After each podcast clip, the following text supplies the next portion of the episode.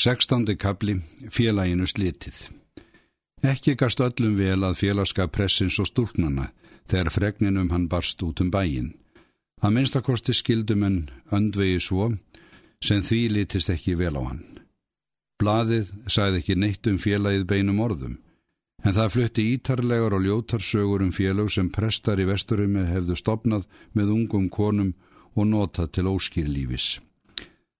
Það varaði í almennum orðum við vesturheims áhrifum í þá átt, taldi langar réttast að stopna ekki til neittnar hættu og það lofaði að vera á Varðbergi í slíkum efnum, láta hlýfðarlaust getið allra ískikilegra tilröna til þess að ná valda ungum stúlkum undir yfirvarpi trúarbræðana og mannkærleikans, eins og það væri yfirleitt þess albúið að gæta sæmdar höfustadarins og alls landsins í öllum efnum.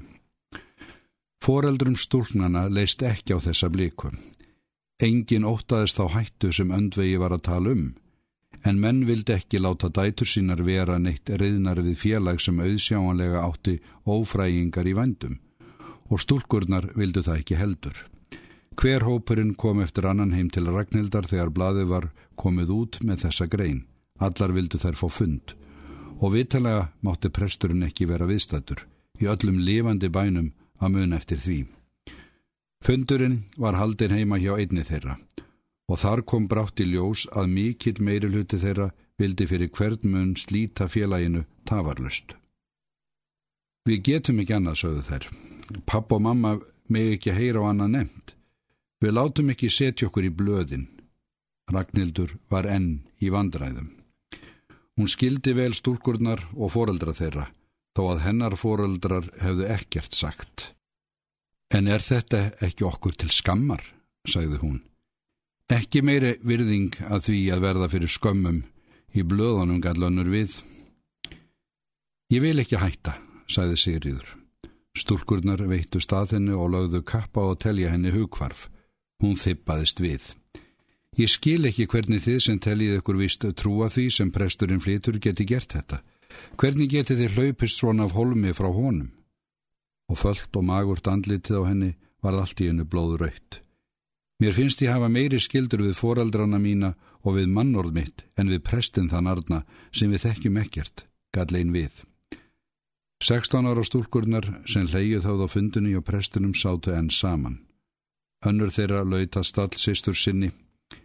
Ætli Sigriði sér farið að lítast á prestin, sagði hún svo látt að hinn heyrði það ekki fyrir henn eftir langa mæðu. En þegar hún heyrði það, þótti henni það óstjórnlega hlægilegt og þá hlóðu þær báðar.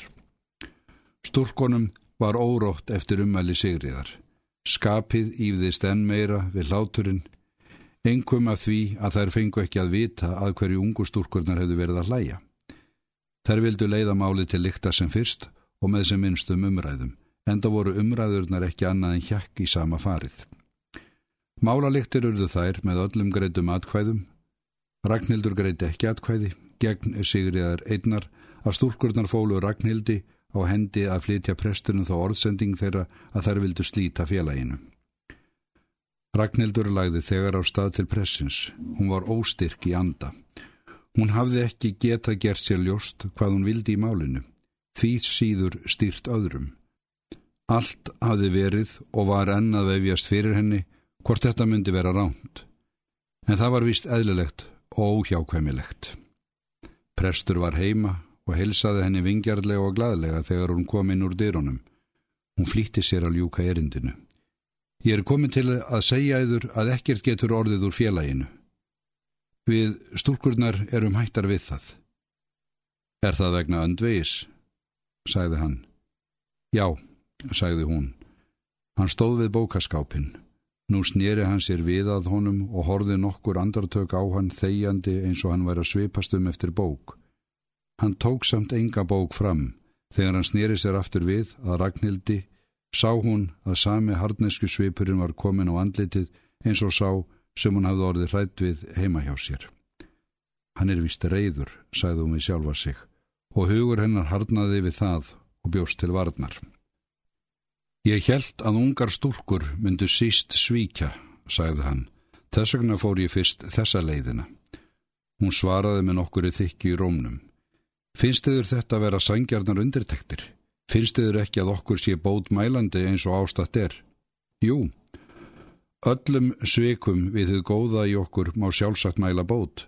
Málspæturnar getur engin metin ema guð, en sigur hins ítla og ósigur hins góða ættum við að geta metið. Hún stóð upp og kvatti kurtislega, en hún rétti honum ekki höndina.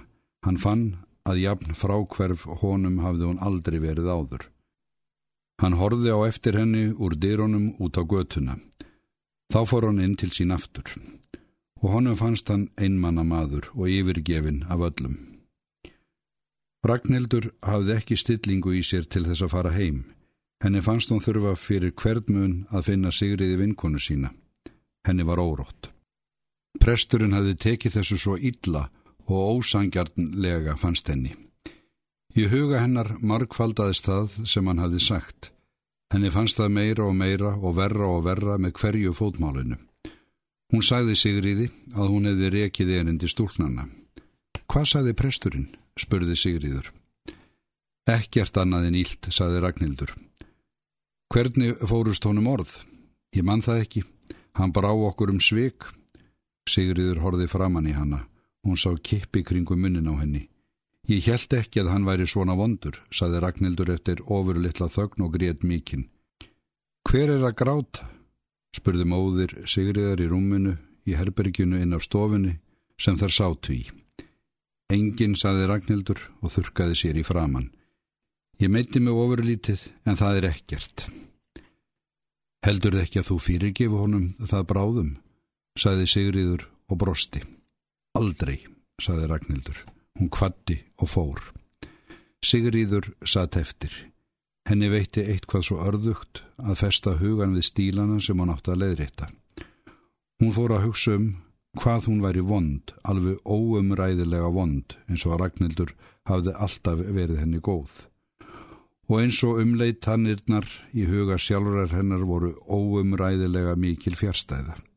Hvernig gætt staðið á því að hún skildi vera orðin svona vond að þykja væntum það sem Ragnhildur hafði sagt henni. Nei, henni þótt ekki væntum það, það gæti ekki verið, svo djúft var hún ekki sokkin og hugurinn kvarf heim til hans.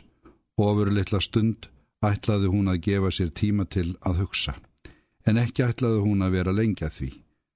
Nú var hann sjálfsagt í þrengingum. Hún vissi ekki hvort skoðanir hans voru réttar. Hún vissi ekki hvort trúarbræðaskoðanir nokkursmanns væru réttar. Ef til vill var öll tilveran allt öðruvísi en nokkur maður hugsaði sér hana. En það var áræðanlega rétt af honum að vera góður maður og kærleiksiríkur. Og henni fannst hún vita það að nú sæti hann heima sorgbyttin. Hvað það væri dyrlegt að með að laumast til hans, undurhægt ekki að trubla hann og brosa til hans þegar hann liti við og setjast við fætur hans og heyra hann tala, eða þó að ekki væri annað en að hann vissi að hún væri nálagt honum með ást sína og þrá eftir að fylla huga hans sólskinni. En hvað var hún að tefja sig á því að setja þarna aðgerðarlaus og hugsa vittleysu? Eins og hún vissi ekki að þetta gætt aldrei, aldrei fyrir komið. Eins og Ragnhildur hefði ekki sagt henni svo mikið og eins og þetta væri ekki í eðli sínu fjärstæða. En bót var það í máli að hún vissi að aldrei gæt neitt það komið fyrir sem kæmi henni til þess að láta nokkura mannsálum þetta vita. Og ef til vill gerði það þá ekki mikið til þó að hún leti hugan reyka um indislega staði þegar enginn fekk nokkur tíma að vita það. Hún vonaði að enginn yrði svo hardbrjósta að gera það heyri kunnugt í öðru lífi ef það var til þó að sagt sé að þar verði hinnar lindumstu hugsanir opimberar, ef þetta gerði hann ekki vonda eins og hún hafði verið áðan. Auðmingja Ragnhildur, hún átti vist bátt, hún hafði grátið áðan, hún ætlaði að reyna að vera henni góð.